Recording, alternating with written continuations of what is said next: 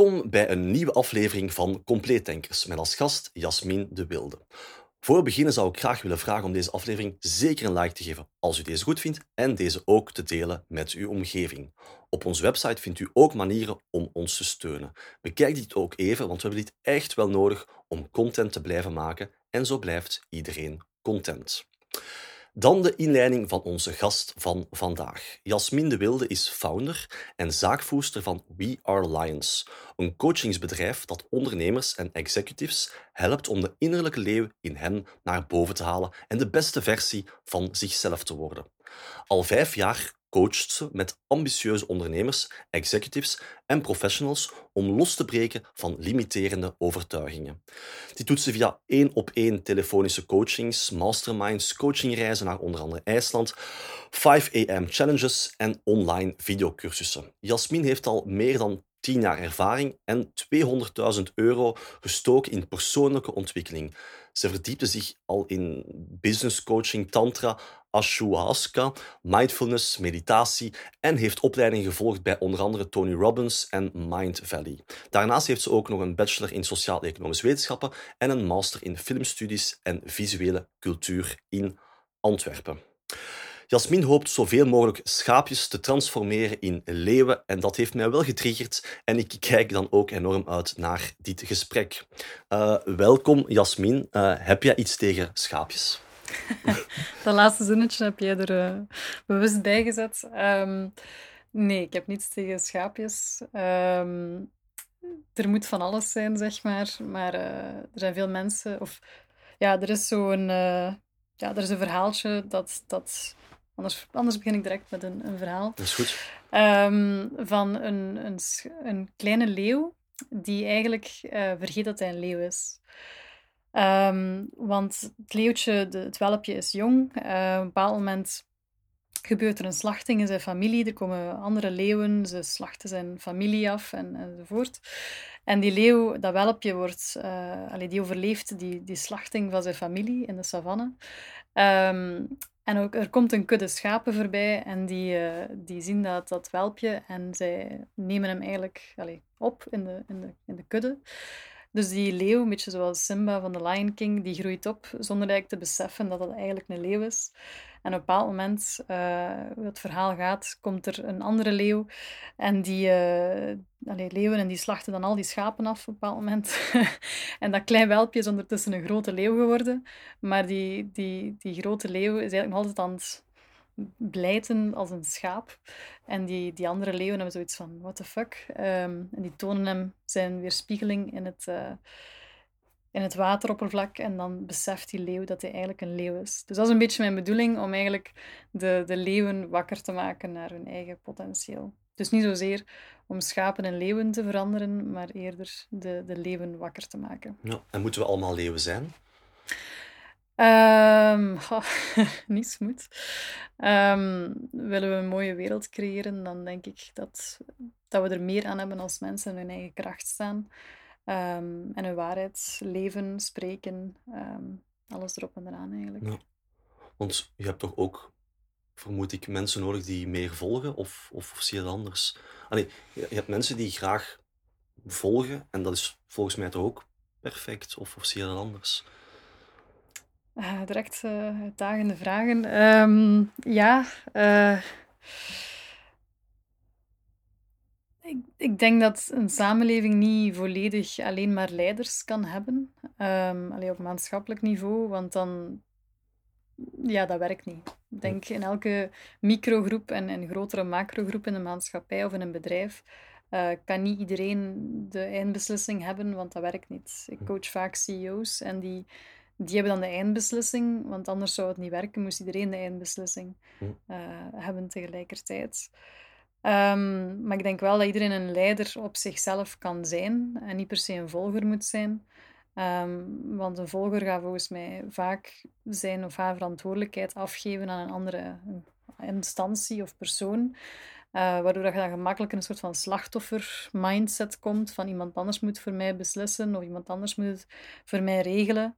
Maar ik ben meer van het principe van je bent 100% verantwoordelijk voor je eigen leven.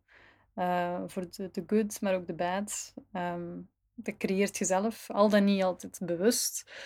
Maar ehm, ik geloof dat uw leven een resultaat is van uw denken en uw doen. Dus, Ja, want jij s- coacht, of jij target, als ik het goed begrepen heb, vooral leidinggevenden dan toch eigenlijk, hè?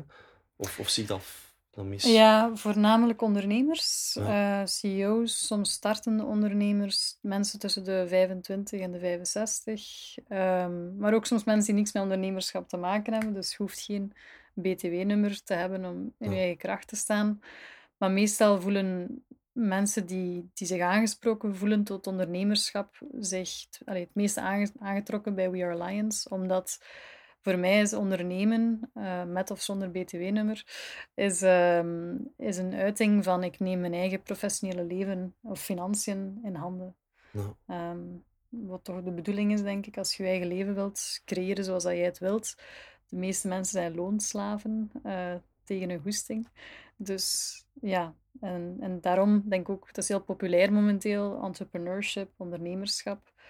Dat spreekt aan voor veel jonge mensen, dat je dan eigenlijk je eigen agenda vaak kunt bepalen en je eigen financiën kunt bepalen. En, ehm, dus dat zijn de meeste mensen waar ik mee samenwerk. En zijn die CEO's of leidinggevenden dan ook echt op, meer en meer op zoek naar, naar coaching? Want in mijn hoofd zijn dat mensen die vaak weten wat ze willen en, en er vol, vol voor gaan en voelen zich misschien wat beschaamd om, om zich te laten begeleiden. Eh, of heb je daar een heel fout beeld Ehm, je hebt verschillende types van leiders. Je hebt zo de oude, starre CEO die koppig is of die zegt van het is my way or the highway. Ehm, die komen meestal niet bij mij terecht, want die zitten nog te hard in hun ego. dus eh, te hard in hun eh, reptiele brein. Ehm, maar de mensen die bij mij komen, die hebben allemaal een eigen verhaal. Bijvoorbeeld, eh, een cliënt van mij heeft een IT-bedrijf en ehm, is ooit opgericht door zijn vernoot, twintig jaar geleden. En zijn vernoot heeft een heel starre manier van leiding geven. Hij geeft de orders en de rest moet maar, eh, maar volgen. Eh, en mijn cliënt, ja, die kwam met mij in contact op het moment dat eigenlijk zijn vernoot eh, ja, terminaal is verklaard. Dus niet meer te lang te leven heeft. Ehm, en, eh, en hij heeft ook een andere stijl van leiderschap. Hij wil wel veel meer mensen betrekken in, in de keuzes die in het bedrijf gemaakt worden. Dus enerzijds zocht hij dan coaching voor zijn eigen persoonlijk proces. Van hoe ga ik ermee om dat mijn vernoot en mijn goede vriend waarschijnlijk binnenkort er niet meer zal zijn. En tegelijkertijd de, de kapitein van het schip verandert. Ik heb een andere stijl. Ehm, ja, hoe, hoe communiceer je dat naar de mensen toe? En dat was dan ook geen gemakkelijk proces de voorbije maanden, omdat zijn vernoot dan af en toe in het ziekenhuis was een maand en dan terugkwam. en dan alsof er niks gebeurd was en dan opeens weer alle orders begon door te geven. Dat personeel wist dan ook niet goed wat er aan de hand was. En dan daarin coachte ik die man bijvoorbeeld, hoe dat daar mo- moest omgaan. Ehm, maar mensen komen ook soms met heel persoonlijke vraagstukken. Ik heb ook al koppels gecoacht, elk apart in hun eigen proces. Maar ehm, ja, ook in de coronaperiode, dat, dat ondernemers het, het hard hebben gekregen. eh, hoe dat ze moesten financieel overleven, eh, omgaan met de banken om een, om een, noodlening of zo te kunnen krijgen. Ehm, en waar ik mensen dan bij help, is hoe dat ze moeten omgaan met dat, dat reptielenbrein, dat oerbrein, dat in fight, flight en freeze denkt. Van oei, er is, er is gevaar, eh, wat moet ik hiermee doen? Allee, het reptiele brein denkt meestal niet te veel na, dat is gewoon een instinctreactie. Ehm, en met coaching kun je mensen helpen om bewustere keuzes te maken en niet gewoon in paniek eh, ja, iets doms te gaan doen of zo. Hm. En hoe vinden ze jou dan? Eh, hoe vinden ze mij? Via via, vaak. Dus via doorverwijzingen, via sociale media, LinkedIn, eh, Instagram. Ehm, ja, op alle mogelijke manieren. Eh, mijn eerste cliënt heb ik ooit in een koffiebar leren kennen. Ik heb onlangs ook iemand op een betoging leren kennen. dus ik heb al overal eh, cliënten leren kennen. Hm. Ehm, ik geloof niet in toeval. Dus het feit als je Allee, ik heb iets te bieden en de mensen komen dan op mijn pad op alle mogelijke manieren, eh, ook op reis. dat je met mensen in gesprek komt en dat Hm. ze voelen van "Hm, die persoon kan mij mogelijk wel helpen om van punt A naar punt B te geraken. Ehm, of ja, ondernemersevenementen, netwerkevents. Hm. Eh, En merk je dan dat de leidinggevende CEO's echt aan het veranderen zijn dan? Hè? Want ik denk dat je tien jaar geleden heel weinig klanten zou gehad hebben. Ehm, en je sprak van die, die man die nu misschien al gestorven is of nog niet. Ehm, Mhm. Zo iemand zal nooit een coach nodig hebben gehad, denk ik. Eh, of, of Of juist wel, maar ze stonden er niet voor niet voor open. Maar dan, Ja. dat- nu is dat blijkbaar wel meer het geval. Dat lijkt me een positieve evolutie. Eh, of zie je dat anders? Ja, ehm, ik denk dat bedrijven veranderen, mensen, verwachtingen veranderen. Je hebt nieuwe, je hebt de millennials en, en wat is al die generaties die misschien een andere verwachting hebben op de werkvloer, andere verwachting van leiderschap. Ehm, en daarin denk ik wel allee, dat ik in de goede kant van het verhaal zit met hetgeen dat we doen. Ehm, coaching bestaat al heel lang, denk ik. Ehm 20, 30, allee, al 50 jaar. Maar steeds meer mensen staan er wel voor open. En ik denk, mensen gaan pas coaching of persoonlijke ontwikkeling gaan doen eh, als, ze, als er een barst komt in hun identiteit. Ze worden terminaal ziek, of er is een crisis, of eh, er is een overlijden in de familie, of er is een faillissement. Of dat is het moment dat eigenlijk iemand open staat om zichzelf in vraag te stellen. Hm. Dus bij bijvoorbeeld die man die terminaal, eh allee, hij leeft nog denk ik, ehm, ja, ik had voorgesteld aan mijn cliënt van stuur hem gerust een keer door, eh, ik wil gerust eens vrijblijvend met hem spreken. Maar hij stond er inderdaad niet voor open, die andere man. Ehm, Ook ergens logisch, denk ik. Als je terminaal bent, dan zou ik me ook met andere dingen bezighouden. Precies.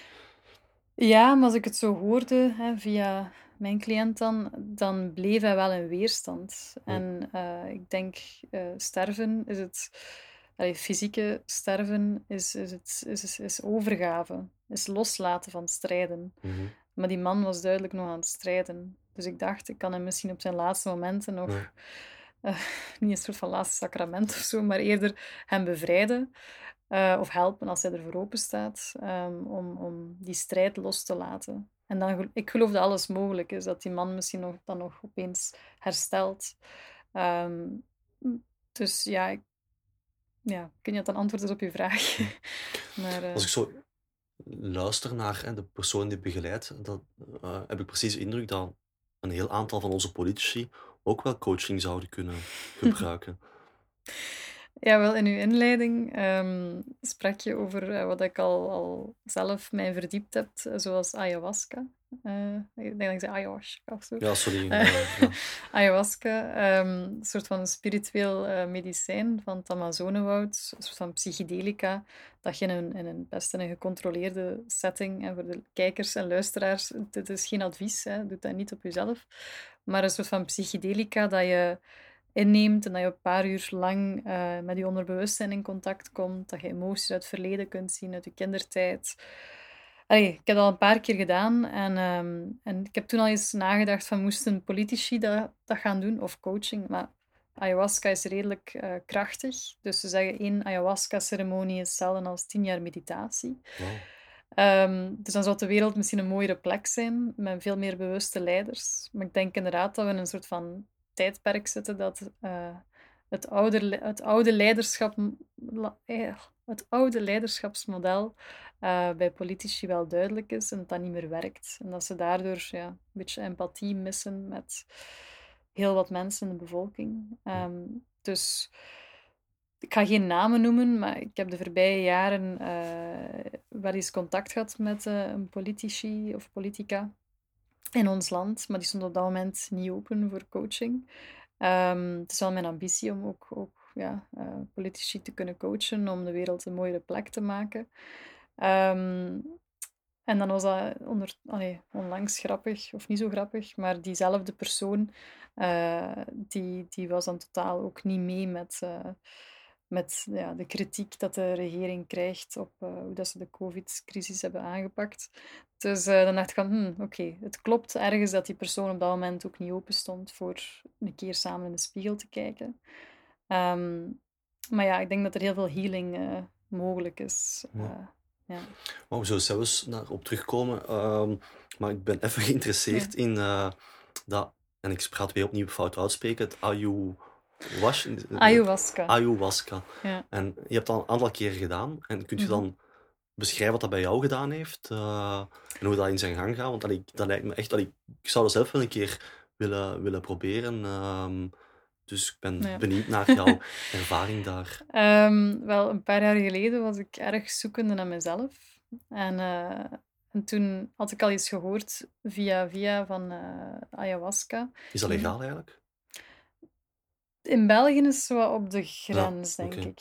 Ja. Um, want er is een, uh, een, een, een, een, strekking in, denk in, de, in, de, in de kerk, in de ja, christelijke kerk. Dat noemt Santo Daime. Um, en in hun misvieringen gebruiken zij ayahuasca. Okay. Uh, dat heb ik nog niet op die manier meegemaakt, maar die zijn dan onlangs eens voor de rechtbank van Gent of zo uh, allez, gewaarschuwd of veroordeeld dat ze dat niet meer mogen gebruiken. Dus ik weet niet wat de stand van zaken momenteel is. Ik heb wel gedacht om ayahuasca te integreren in onze coachingsreizen um, en dan naar ja, Zuid-Amerika te vliegen ja. en coaching en ayahuasca te combineren. Maar ik ben daar eventjes van teruggestapt, omdat mijn advocaten zei dat het wel op de grens zat. Ja. Um, maar ayahuasca, ik, heb, dus ik, ik, was, ik was zoekende in mijn leven. Ik had gehoord van iemand die dat in Peru had gedaan, zo negen nachten op rij van die ceremonies met shamanen. En uh, toen dacht ik nog van, dat is allemaal drugs, dat is niks voor mij. Maar dan jaren later, toen ik op een bepaald moment, ja, ik had paniekaanvallen, ik, was, ik, ik wist niet goed wie dat ik was, ik werd s morgens wakker en um, mijn gedachten begonnen door mijn hoofd te gaan van, ja, ik had heel veel existentiële vragen van ja, wie ben ik eigenlijk? Wie kijkt het door mijn ogen? Waar komen mijn gedachten vandaan? Um, ja, het was een soort van awakening dat ik toen had en niemand had daar antwoorden op. Ik was naar een psycholoog geweest, uh, die begreep mij gelijk niet. Ik was een keer naar een psychiater geweest, die wou me medicatie voorschrijven. Dat wou ik ook niet. Dus ik was gewoon op zoek naar antwoorden van ja, wie ben ik eigenlijk? Wat is deze realiteit? En vanaf dat ik morgens wakker werd, begon die gedachtenmolen te gaan. Um, en dan dacht ik, oké, okay, die ayahuasca dat ik een keer van gehoord heb, ja, ben bang om dood te gaan, dat was mijn angst. Um, maar ik doe het. Allee, er is nog nooit volgens mij iemand van dood gegaan. Maar het is een soort van ego-dood dat je kunt meemaken. Dus dat is positief dan. Ja, dat eigenlijk de identiteit. Hè, bijvoorbeeld, Steven, je hebt een bepaalde onbewust een idee van wie dat jij denkt te zijn. Ik heb ook een bepaalde bewuste en onbewuste beeld van wie dat ik, Jasmin, denk te zijn. En door middel van coaching, persoonlijke ontwikkeling, ga je bewust worden van wat is de identiteit dat je als kind hebt opgebouwd, wat klopt er eigenlijk, wat klopt er eigenlijk niet bij mij. Um, en die, uh, allee, dus die ayahuasca, die, die je weet niet hoe dat je daaruit komt. Dus mijn angst was toen van, uh, ik ga gek worden of zo. Dat is mijn grootste angst, dat ze mij moeten opsluiten in een psychiatrisch instituut nadien. Maar dat is niet gebeurd. Uh, ik ben hier bij u op een podcast, dus uh, ça va eigenlijk, denk ik wel. Maar, um, dus wat was dat dan? Ik ben dat gaan doen in Portugal, um, met een Nederlandse organisatie, dat ik ook zeker kan aanraden. de Gewijde Reis noemde dat. En dat was een kleine week uh, met een twintig, dertigtal mensen van overal ter wereld. Um, en dan de twee ceremonies. En de mensen die ons begeleiden, die Nederlanders, die dronken zelf niet mee. Uh, wat ik ook wel veilig vond. Van, okay. uh, de shamanistische manier blijkbaar is wel shamanen die dat al generatie op generatie doen. Um, en die dan wel meedrinken. Maar ja, ik wou toen echt een controle, veilige setting. Um, en dus in Portugal gaan doen, in de natuur. Uh, echt alles top geregeld. En, um, maar het moment dat je dan daar zit en iedereen zat daar dan op een eigen matrasje met een uh, emmertje ernaast, een soort van uh, kotsemmer voor als je je misselijk voelt, wat dat vaak gebeurt. wc-papier voor als je je gezicht moet afkuisen of zo. en dan de begeleiders. En dan een paar uur lang drink je dat drankje. Um, en ga je op een reis. Je verliest besef van tijd en ruimte. Je hebt momenten dat je heel helder bent, dat je gewoon rond je kijkt, dat je de andere mensen in hun proces ziet. En dan heb je momenten dat je echt uh, gewoon in, in die emotie zit. Ik herinner mij toen, en dat was nog voor ik We Are Lions was gestart, dat ik echt aan het strijden was en dat ik zo gelijk een katachtige was. En ik, ik, had mijn emmer en ik was aan het wenen en ik had heel veel verdriet. En ik wist niet rationeel waar dat, dat verdriet vandaan kwam, maar het was wel echt. Want ik was altijd iemand heel rationeel geweest. En opeens was, was er allemaal dat verdriet aan het uitkomen. En ik, wist niet eens dat ik die emoties zo... Allee, dat daar iets zat. En ik weet niet van waar dat komt, maar uh, het kwam er wel uit. Ehm, en uh, ja, en dan nadien kwam er een gevoel van liefde over mij heen. Ehm, maar ik had zoveel angst op dat moment om mijn wereldbeeld dat ik toen had. Of, of, want dat was mijn angst. Ik denk dat dat ook wel een beetje van toepassing is op wat dat mensen nu misschien meemaken. Is, ik had angst om mijn, mijn realiteit zoals ik hem zag, van de wereld is zoals zij is, zoals ik op school heb geleerd. En als je doodgaat, dat is het dan. Je sterft en voilà, je bent er niet meer, maar er is geen hiernamaals, er is niks van meer of whatever. Dat was mijn wereldbeeld, zoals ik opgevoed.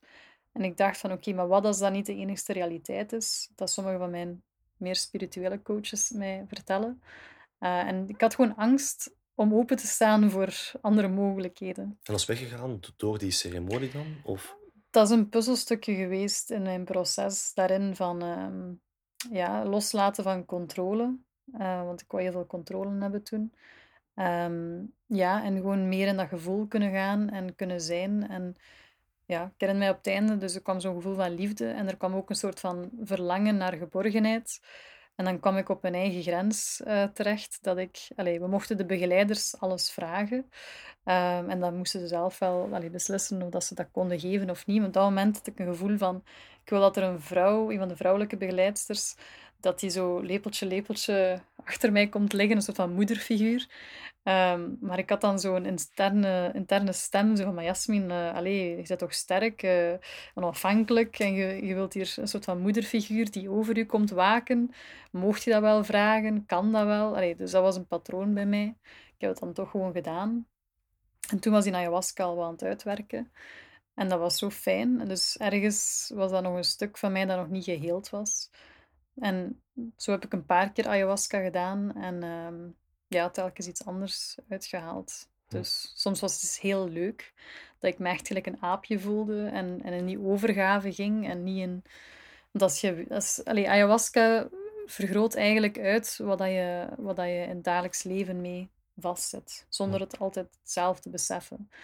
Ehm, dus uh, dat is eigenlijk gewoon wat de ayahuasca ja. doet. En je gebruikt het dan, of je wilt gebruiken, in jouw coachings? Of...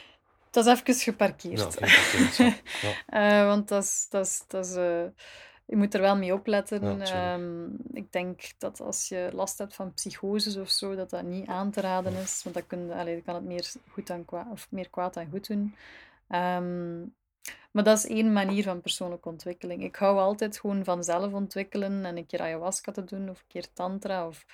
En ik denk dat iedereen, ook de mensen die luisteren of kijken, dat die Allee, dat is ook een boodschap dat ik misschien wil meegeven van voel voor jezelf aan wat dat je nodig hebt om, om te groeien.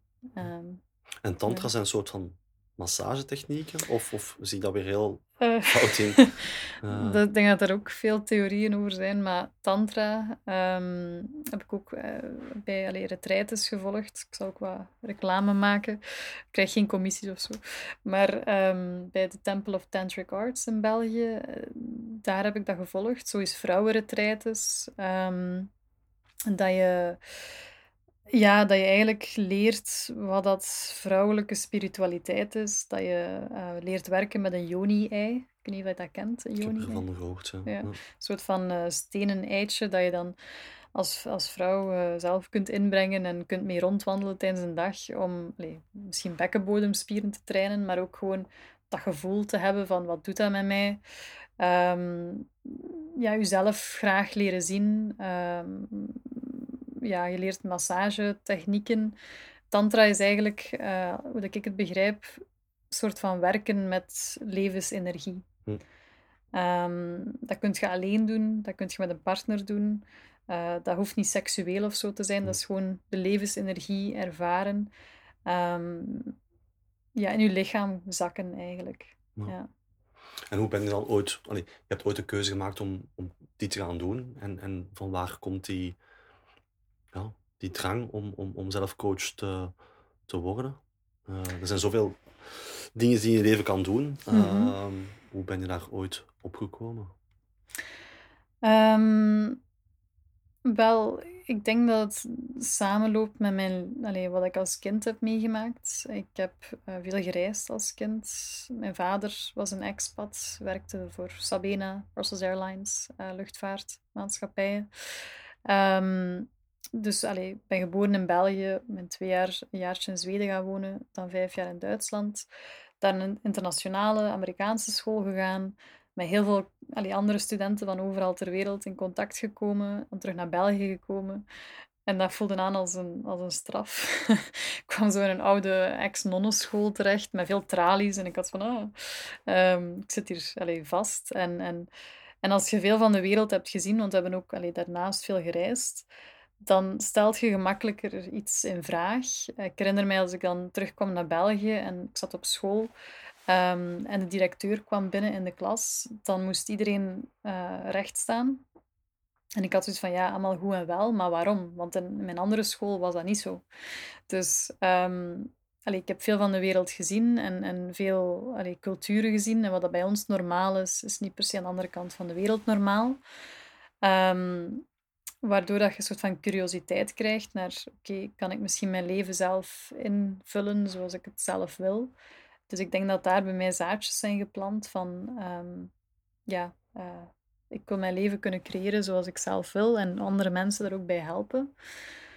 Um, en dan ja, zelf ook door een heel proces gegaan, hè? Um, waardoor ik persoonlijke ontwikkeling super boeiend vond. Die periode dat ik die ayahuasca ging doen, dat was voor mij wat een wake-up call, omdat ik gedachten had die ik rationeel niet kon beantwoorden.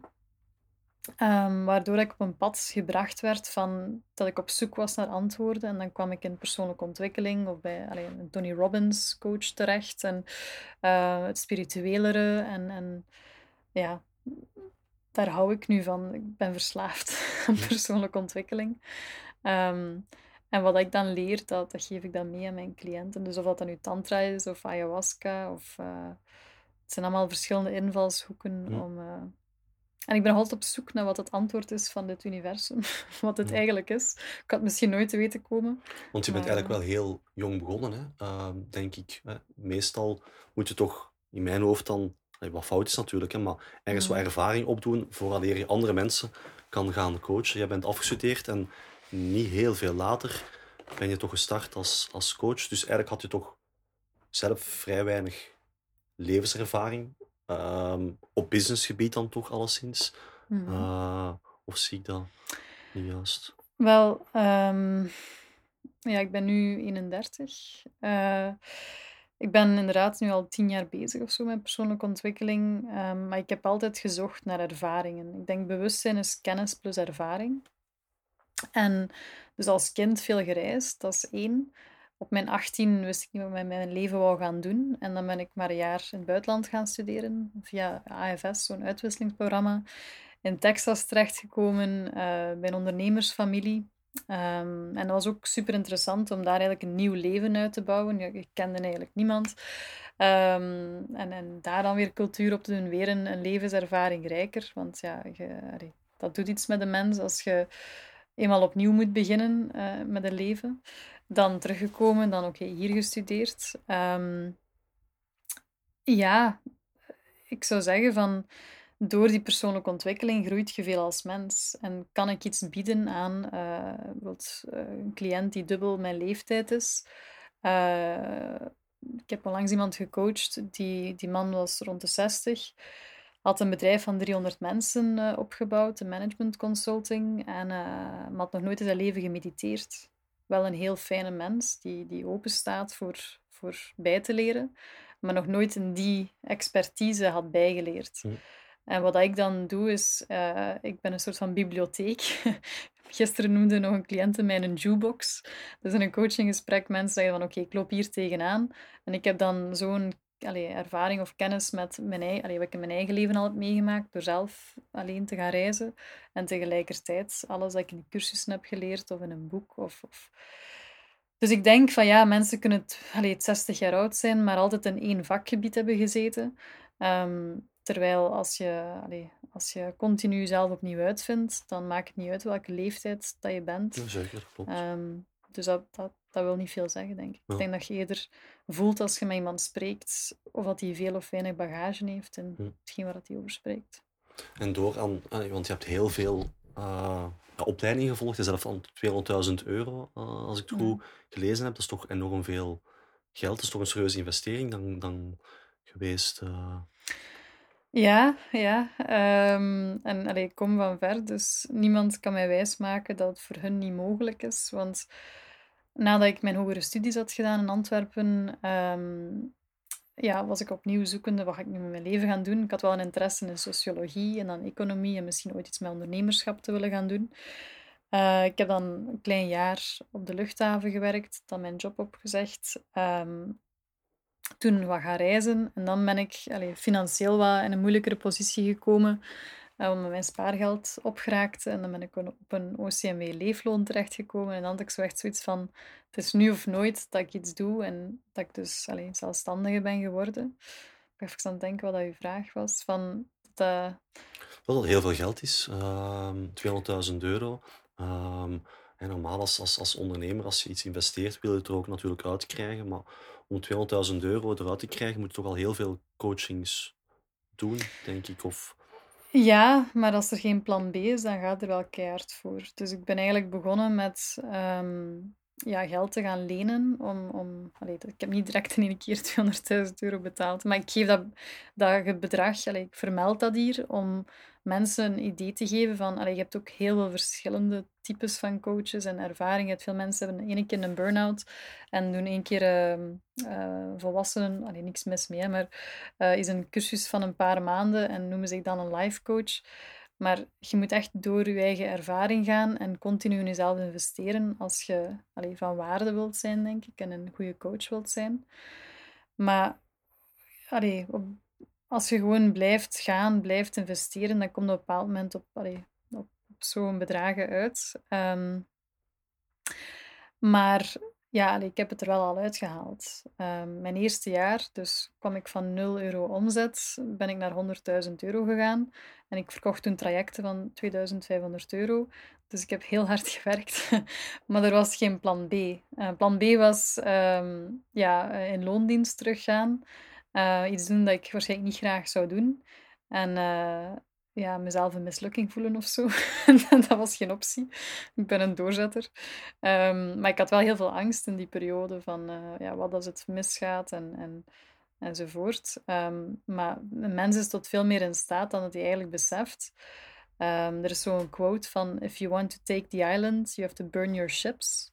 Dus als je het eiland wilt veroveren, moet je je schepen verbranden. En dat komt van een verhaaltje van een, uh, een, een, commandant die met zijn manschappen op een eiland toekwam en ze moesten daar het gevecht aangaan, een, uh, een oorlog uh, voeren. Maar zij waren in de minderheid vergeleken met de bewoners van dat eiland. Dus ze kwamen toe op dat eiland en die, die commandant zei tegen zijn, zijn militairen van... Ja, je bent ook ex-militair. maar hij zei van, ja, verbrand uw schepen. Allee, verbrand onze schepen. Waarom? Omdat er dan geen weg terug was. Dus ze moesten vechten en het was dat of allee, winnen of doodgaan. Hm. Dus ze hebben gewonnen. En dat was een beetje mijn tactiek van allee, show up for your life, no way back en er gewoon voor gaan. Ehm, en, en ik vind dat je veel verder geraakt door in jezelf te investeren, uh, in tijd of in geld, dan... Ik spreek soms mensen die zeggen van ja, ik ga nu niet investeren in coaching of in persoonlijke ontwikkeling, want ik ben aan het sparen voor een huis en ik wil daar voor geld lenen en, enzovoort, wat dat oké is. Maar het rendement op een huis is volgens mij veel minder dan het rendement op je eigen mindset transformeren. En allee, ik hm. ben nu vijf jaar ondernemer. Ik kan de wereld rondreizen om te doen wat ik graag doe. Um, dat ik nooit van durven dromen als ik op mijn OCMW leefloon zat. dus um, er is veel meer mogelijk dan mensen eigenlijk beseffen voor zichzelf. Ja. En als je aan zelfontwikkeling doet, dan hoort daar ook bij uh, durven uitkomen voor jouw mening. Mm -hmm. En heb je vorig jaar ook gedaan. Hè? Um, daarom ook dat, we, allee, dat, dat, ik het interessant vond om met jou te spreken, want je hebt vorig jaar in juni een, een tekst geschreven die nogal kritisch was naar het uh, corona-narratief. Uh, hoe ben je daartoe gekomen en, en, en wat is er nadien gebeurd uh, met jou? Um... Ja, um, wel, tot voor corona was ik niet echt bezig met de media. Ik heb ook nooit, sinds ik het huis uit ben, geen tv gekocht. ik had alles dus van als er iets belangrijk is, dan hoor ik het wel via via. Dat is een gezond principe, denk ik. Ja, maar dan kwam corona. En dan in 2020 had ik zoiets van, oh ja, ehm, interessant wel, uh, eindelijk is een... Allee, ik heb zo... Ik heb zoiets gehoord. Ik, ik noem mezelf soms een beetje ik denk dat er een apocalyps mogelijk is, maar een optimistische apocalyps. Allee, zo, ik vind dat soms boeiend als, als, als er iets maatschappelijk aan het veranderen is. Mm Moest onze maatschappij er 30, 40 jaar de toekomst nog steeds hetzelfde uitzien, met dezelfde eh, grote machtigen enzovoort, dan zou ik het gewoon saai vinden, denk ik. Moest dat in mijn leven allemaal hetzelfde blijven. Dus... Nochtans hebben we vandaag toch ongeveer dezelfde machtigen als 30, 40 jaar geleden, denk ik. Ja, maar ik, ja, oké, maar ja, ik ben zelf nog misschien maar tien jaar volwassenen. Uh, dus uh, allee, ik, het is nog niet dat ik die 30 jaar inderdaad al bewust heb meegemaakt mhm. dan. Maar moest de komende 30 jaar voor mij, dan zou ik zoiets hebben van. Allee, ik, ik zie het leven als een videospel, uh, waarin dat ik zelf voor mijn eigen leven de hoofdrol speel. En ja, je kunt je niet altijd voorstellen wat er nog op je afkomt, maar ik geloof dat er nog fantastisch mooie dingen groot allee, gaat gebeuren. Hoe, mm. wat, dat weet ik niet. Maar dus toen twee jaar geleden, ehm, via mijn businesscoach, die ook wel wat connecties had, die zei een paar dagen op voorhand van ja, er komt waarschijnlijk een lockdown. Ik zo, lockdown, wat is dat? Dat is spannend. Eindelijk, finally some action. wat is dat dan? Ah, corona, wat is dat? Ah, interessant.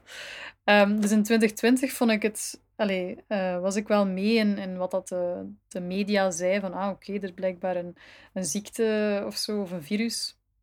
En toen er nog geen mondmaskers waren, dan had ik zo een, een oogklepje van, van in het vliegtuig. Als je een lange afstandsvlucht maakt, zo, uh, had ik dan over mijn mond gedaan als ik naar de supermarkt ging. Uh, ik was heel voorzichtig. Um, maar in elk geval, allee, toen 2020 dacht ik van oké, dat gaat wel overwaaien. Ik ben jong, ben gezond. Ik ga een beetje letten op, op op mezelf. En Was je dan bang om ziek te worden? Want je droeg een mondmasker vrijwillig dan? Of omdat dat moest uh, in 2020? Vrij... Ja, ik weet niet of dat toen al verplicht was. Het is verplicht geworden, denk ik, op, op, op 10 juli 2020 uh, pas. Dus, en de eerste golf hebben we gehad in maart, april, mei. Ja. En toen uh, de eerste golf voorbij was, vond onze politie het nodig om ons een mondmasker in, in volle zomer te, te verplichten. Ja. Ja, toen wist ik nog niet veel, dus ik was er wel in mee. Maar ik herinner mij, ik woon in Gent, ehm, dat ik gewoon in de eerste lockdown, het was goed weer, ik zat op een bankje in het centrum, um, alleen, uh, of een keer met een vriend, met heel veel plaats tussen. En dan kwam de politie en dan waren ze kwaad dat we aan het genieten waren van de zon in de open lucht. Wat dacht je toen? Um, ja, de enige reden dat, dat, dat ik niet op dat bankje mag zitten met die vriend van mij is gewoon omdat dan iedereen op bankjes wil zitten. En misschien is dat niet goed dat iedereen op een bankje zit. Of voor, allez, als voor één iemand geldt, moet voor iedereen gelden, ook al is het absurd. Dus ja, ik heb altijd wel zo'n beetje dat rebelse in mij gehad. Um, maar ik had vond je dat toen normaal? Of, of, of ging je daar niet mee van, oei, sorry dat ik hier zit en ging je naar huis? Of wat moest ik op een bankje zitten? Ik heb dat gelukkig nooit meegemaakt, dat de politie mij tegen had, maar ik zou daar enorm tegenin gaan. Ik zou, zelf, ik zou zeggen van, alleen vind je het normaal dat je niet op een bankje mag zitten? Hmm. Of, of hoe was het bij jou? Je zei gewoon van, oké, ja, het mag niet, ik zal maar naar huis gaan? Of, uh... Ik denk dat ik toen nog een beetje banger was dan nu. Ja. Gewoon bang van gezag. Allee, Dat is een beetje mijn patroon geweest mhm. over de jaren heen. Um, dus dan was dat meer zo van, ah shit, me betrapt. Um, ja, dus ik had er toen niet te veel verhaal bij, denk ik. Uh, het viel mij wel op dat de media, want dat is dan wel mijn expertise. Uh, ik kon al jaren niet meer naar het nieuws kijken, omdat gewoon hoe dat je iets in woorden zet, maak je. Allee, wij, wij mensen denken in beelden. Als ik tegen jou zeg van denk niet aan een roze olifant, mhm. dan heb je hoogstwaarschijnlijk nu een soort van roze olifant uh, in je hoofd. Ik heb een speciaal hoofd, maar waarschijnlijk zal voor de meeste mensen zo gelden. Ja, ja sommige mensen zeggen soms, nou, ik heb deliriumbier ja. in mijn hoofd. Nu, um, dus ja, als een reporter op tv zegt van en uh, er zijn... Uh, ja, het, is, het is erg, er, slecht nieuws, er zijn doden gevallen. Ja, dat woord slecht, dat is hm. subjectief. Dat, is, mhm. dat is niet goed of niet. Alleen de existentiëleheid van, van het leven. Hè. Uh, de zen-boeddhist zou zeggen, er is geen goed of geen kwaad. Dus dat is subjectief. Maar zo is dat constant met de, met de media, op sommige kanalen meer dan andere. Dat is eigenlijk... Um, je kunt dat niet compleet uitschakelen, want de reporter is ook een mens. Dus die heeft ook een denkbeeld dat hij meegeeft in de taal dat hij gebruikt. Dus daar had ik dan wel wat meer moeite mee. Zo van, oké, ehm, al maar die cijfers laten zien. En dat was nog voordat ik uh, professor Matthias de Smet uh, kende, die daar ook over sprak van, van als je iets in cijfers zet, dan wordt het echter. Dus constant die, die cijfers zeggen van hoeveel doden dat er vielen en, en zieken en, en dat was wel zo van, is dat nu echt nodig? allee, dat is, dat is angst en dat is niet... Dat is, allee, dat is de reden dat ik ooit ben gestopt met nieuws te kijken. Omdat je al voor corona, de coronacrisis keek je al geen tv meer, hè? Of... Ik, ik heb geen tv en als ik ja. iets zou zien... Allee, ja. Af en toe, ja. zo één keer in de maand, keek ik misschien een keer via mijn laptop naar het nieuws. Gewoon zo'n beetje sensatie. Zo. Allee, wat is er op tv? Want ik ben opgegroeid in een huis waar dat er heel veel naar het nieuws gekeken werd.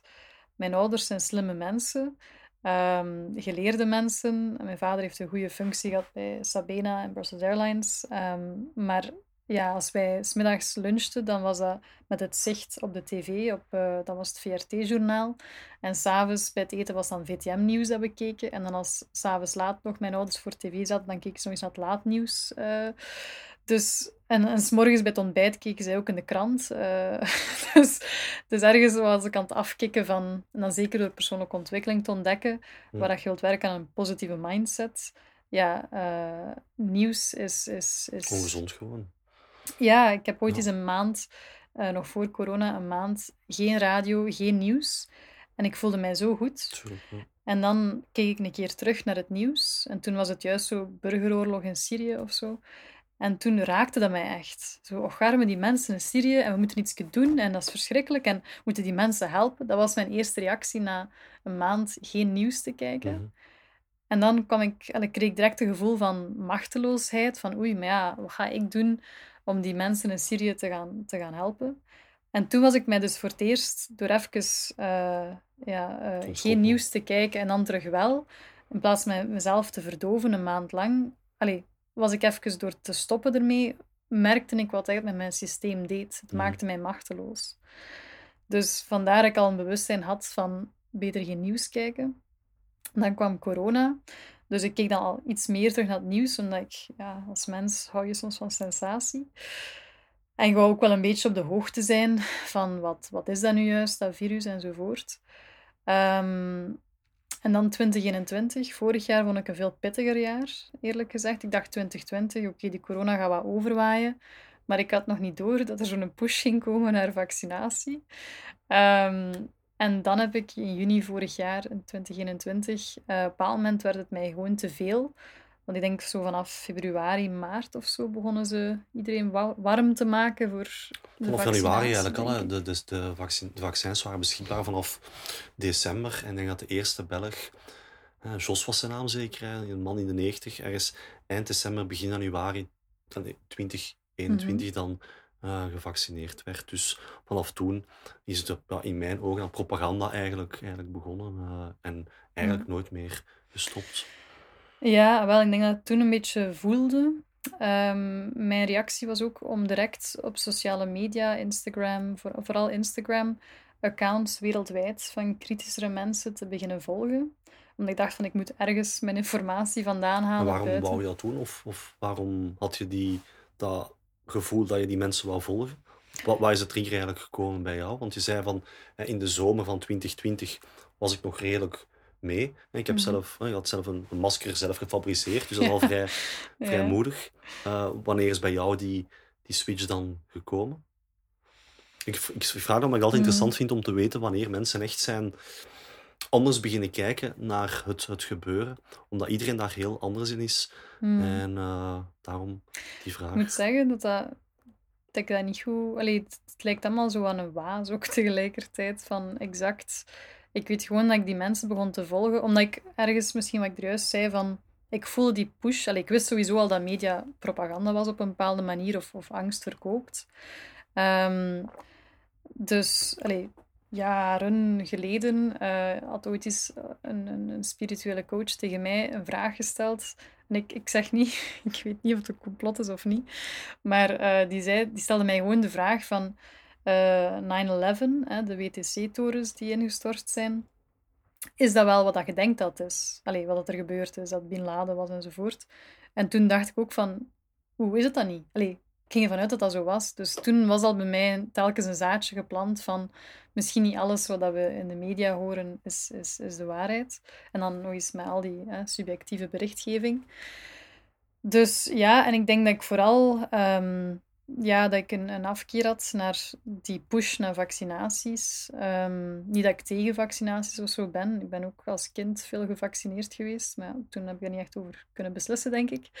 Ehm, maar uh, ik denk dat dan ja, in juni had ik zo echt. Allee, ik begon die accounts online te volgen omdat ik ergens alternatieve info wou hebben Mhm. van echte mensen. Ehm, want ik ga eerder iemand geloven. eh, dat klinkt misschien vreemd, maar ik ga eerder iemand in Nieuw-Zeeland geloven die een eigen account heeft van 300 volgers, die vanuit zijn eigen ervaring spreekt wat hij daar in Nieuw-Zeeland aan het meemaken is, dan de overheid van Nieuw-Zeeland. Omdat dat is, dat is een groep mensen die daar allemaal achter die instantie zitten. Maar wie zijn die mensen? Plus ook, ehm, die persoon die misschien op eigen titel spreekt, heeft meer te verliezen. En ik kan redelijk goed aan iemand, dat is ook mijn job een beetje, maar op, aan iemand van allee, online profiel zien, is dat, een, allee, is dat iemand die mentaal niet goed in zijn hoofd zit en die aandacht zoekt? Of is dat echt gewoon iemand die op mijn niveau denkt en die gewoon zich vragen stelt bepaalde zaken? Dus ik kon heel veel van die accounts te volgen. Ehm, en dan voelde ik allee, globaal zo wat een tendens die aan het komen was, zo richting die push van die vaccinatie. En dan heb ik in juni, uh, denk vooral op LinkedIn, een post gemaakt dat ik, uh, dat ik mezelf, dat, ik, dat, ik, dat zoiets had van iedereen moet voor zichzelf beslissen wat dat hij doet met zijn eigen lichaam. Dat vind ik heel belangrijk. Um, en uh, ja, dat ik ergens gewoon, ik wou gewoon een tegenbeweging, ook al ben ik, ik ben niet zo groot als de VRT-nieuwsdienst uh, of zo, maar dat ik gewoon ergens op mijn eigen manier, ik had zoiets van, stel je voor dat het volledig misgaat en, en, en, en, en medisch komt dat niet goed bij veel mensen, want elke medische handeling kan ook eens slecht aflopen. Dan ga ik misschien mezelf het kwalijk nemen binnen een paar jaar dat ik niks heb gezegd, terwijl ik wel een aanvoelen had van wees toch voorzichtig. En wat dat waarschijnlijk ook heeft meegespeeld, ik weet niet wat mijn ouders dat leuk gaan vinden dat je vertel, maar um, allee, mijn moeder heeft al twintig jaar of zo MS, multiple sclerose. Um, we weten niet door wat dat het komt. Toen dat mijn ouders jonger waren, zijn ze samen uh, allee, naar Mali in Afrika gegaan voor een paar jaar. Mijn vader die wou niet in legerdienst gaan, maar die wou uh, ontwikkelingssamenwerking doen, dus voor de UNO gewerkt in, in Mali. En mijn ouders hebben veel vaccinaties moeten krijgen om daar te reizen. Dus een mogelijke theorie, het is natuurlijk gewoon één theorie, is dat door al die vaccinaties mijn moeder die auto-immuunziekte MS heeft gekregen. Dus ik ben opgegroeid um, met een moeder die slechte been is. Allee, het is een prachtige vrouw. ik zie ze graag. Um, we hebben veel gereisd, maar vaak met de rolstoel mee. Um, ik, dus ik weet hoe het leven er kan uitzien. Allee, ik, heb dat nu nog niet zelf meegemaakt. Mijn moeder zal het beter kunnen vertellen natuurlijk. Maar hoe dat is om, uh, om moeilijker te been te zijn en een ziekte te hebben en niet gezond te zijn. Mhm.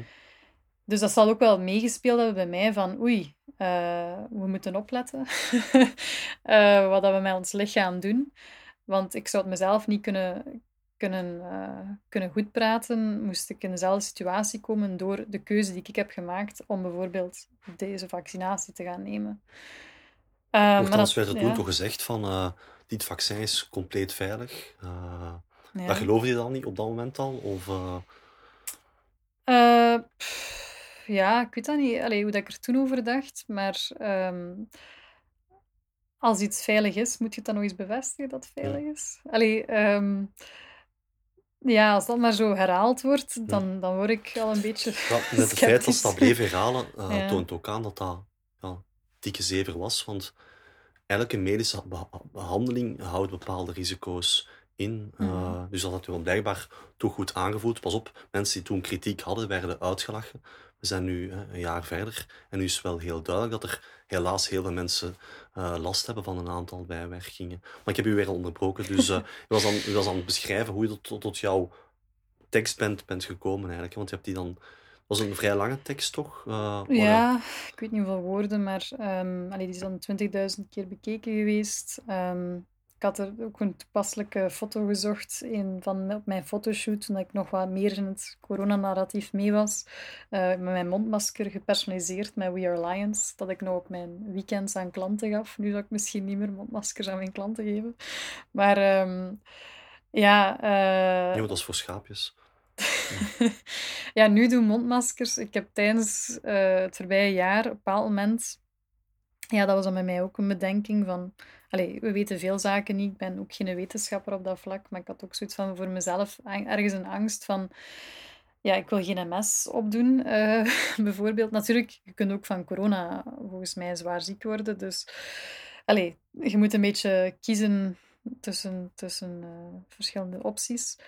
Um, maar ik had ook zoiets van, ja, ik heb momenteel nog geen kinderen. Als ik ooit kinderen wil... Allee, ik had ergens zoiets van, ik ga, ik ga de situatie wat afwachten. Um, en iedereen die het wilt doen, doe het maar. En mijn post ging vooral over, maak je eigen beslissing dus. Um, wat wil ik daar nog over zeggen? Um, ja, hoe is ja. gereageerd geweest? Hè? Want op LinkedIn, ja, een, een post schrijven waar 20, die 20.000 mensen zien, is, is wel best heel heel veel. Waren de reacties dan vooral positief, negatief? Uh, heb je veel shit over jou gekregen? Of was het eerder van, wauw, eindelijk uh, ook iemand die hetzelfde durft uh, schrijven als ik denk?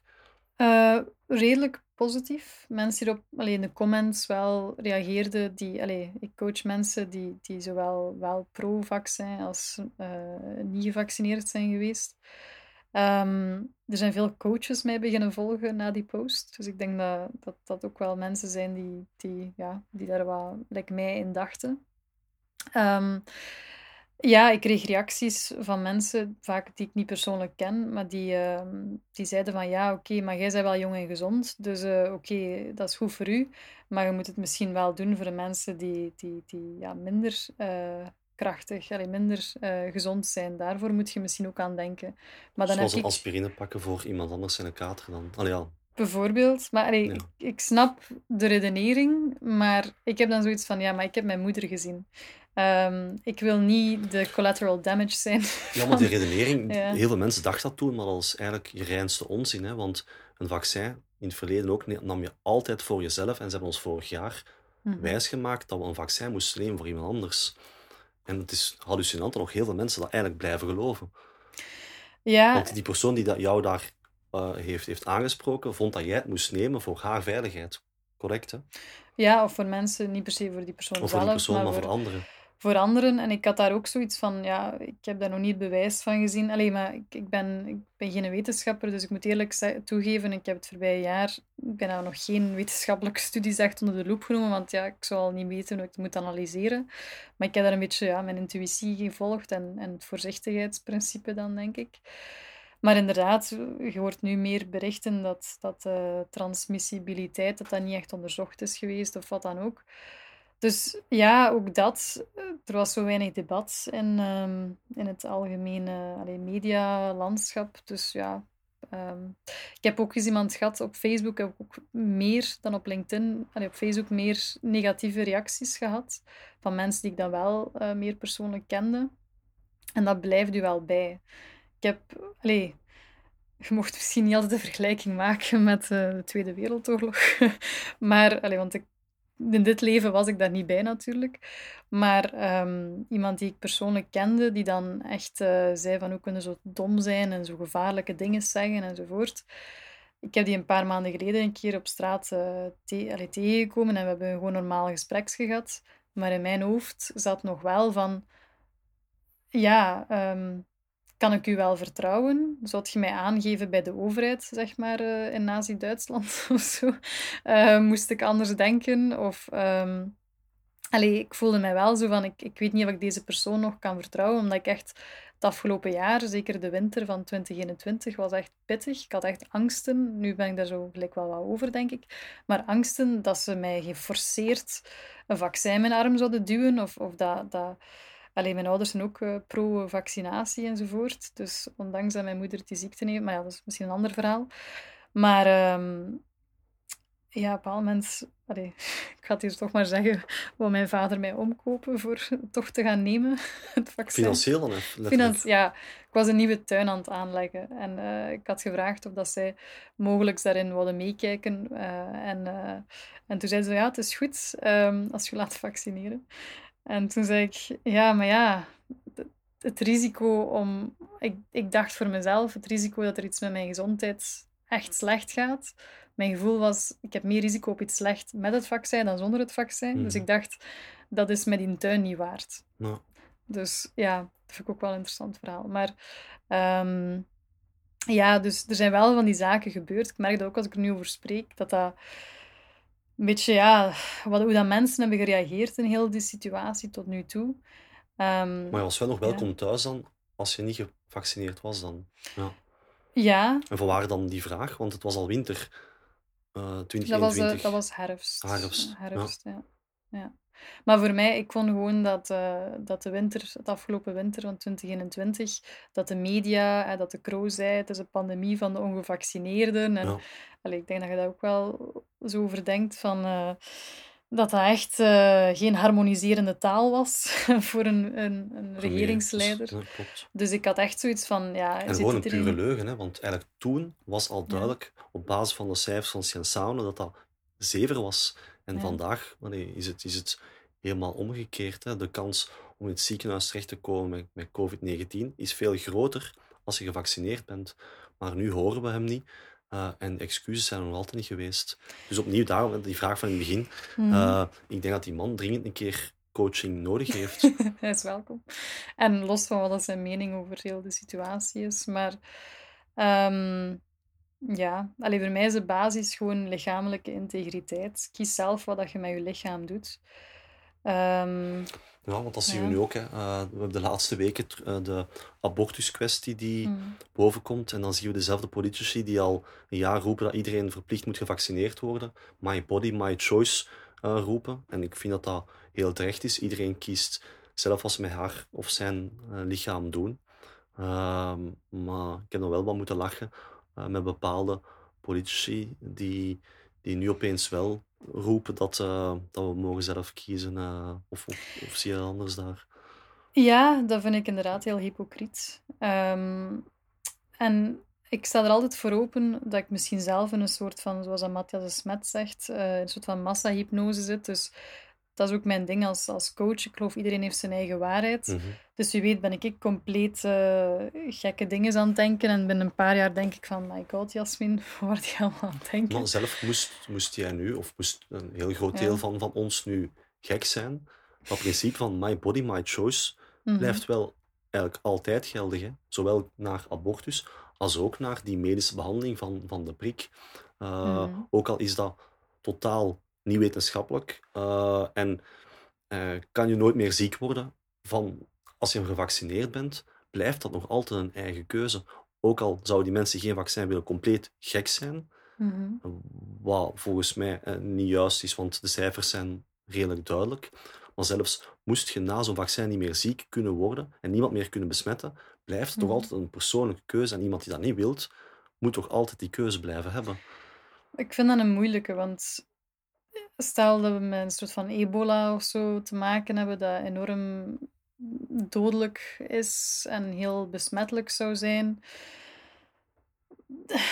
Ja, dan, dan snap ik wel dat het niet zo evident of niet aangewezen is dat er uh, iemand zegt van, oh ja, weet je, mijn persoonlijke visie is dat ik iedereen, uh, bij iedereen aanbel en ik een goede knuffel geef, wat ze nu willen. Of, allee, niet... Uh... Nee, maar dat is dan ook de andere persoon. Als de andere persoon niet wil knuffelen, dan moet je ook respect voor voilà. hebben. Maar my ja. body, my choice blijft toch altijd Dat is een, het een, enige een, wat je in je leven hebt, hè, je eigen Ja. lichaam. En wat voor mij ook belangrijk was in die keuze, was um, wie is er aansprakelijk als, het, als ik het vaccin zou nemen en het zou niet zo goed lopen voor mij.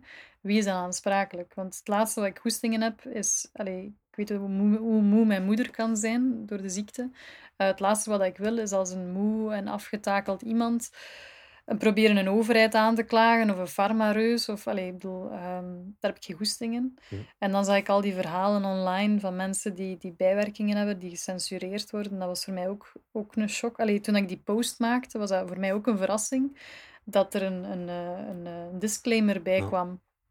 Kwam. in mijn stories op Instagram, op LinkedIn kwam er een link naar het vaccinatie-informatiecentrum of zoiets.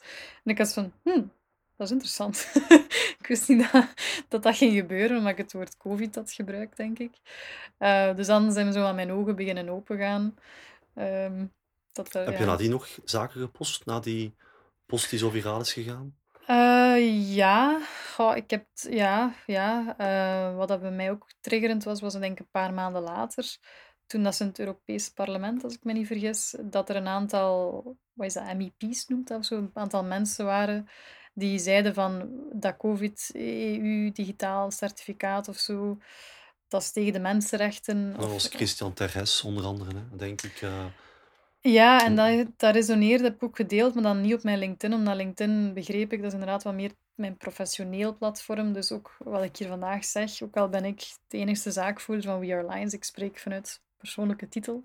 Mm. dus heb ik ook wel geleerd het afgelopen jaar om dat toch wel een beetje te scheiden, zeg Waarom? maar. Welk? Waarom? Want omdat je toch de enige persoon bent, je kan toch vrij uitspreken? Of, of? Ja, wel, coaching, wat ik doe met We Are Lions, is mensen in hun kracht zetten, mhm. wat dat ook die beslissing is over een vaccinatie of niet, bijvoorbeeld. Mhm. Eh, ik heb cliënten die gevaccineerd zijn, ik heb cliënten die niet gevaccineerd zijn. Ik heb een cliënt die in de farmawereld werkt, uh, die niet gevaccineerd is. Um, vond ik ook wel interessant. Dus um, ook door corona zijn er klanten bij mij gekomen. Ik heb er juist gezegd op een, een betoging van corona in november vorig jaar heb ik iemand gehad die mij aansprak van, ah, zit jij die 5am-coach? Dus iedereen, allez, iedereen is bij mij welkom, wat dat een persoonlijke voorkeur ook is. Um, maar allez, um, mijn, mijn bedrijf is geen VZW voor mensenrechten of zo. Allee, Dat is iets anders. Dus ik heb wel geleerd om dat zo wat... ik heb ook die feedback gehad van sommige klanten, van, uh, zeker op wat ik op sociale media post. Allee, ik heb, op Instagram heb ik enkel We Are Lions, dus dat, ja, dus daar, ik, ik tracht zo inderdaad een inspirerende bedrijf te zijn op sociale media. Maar dan op mijn persoonlijke Facebook of LinkedIn durf ik wel dingen te posten.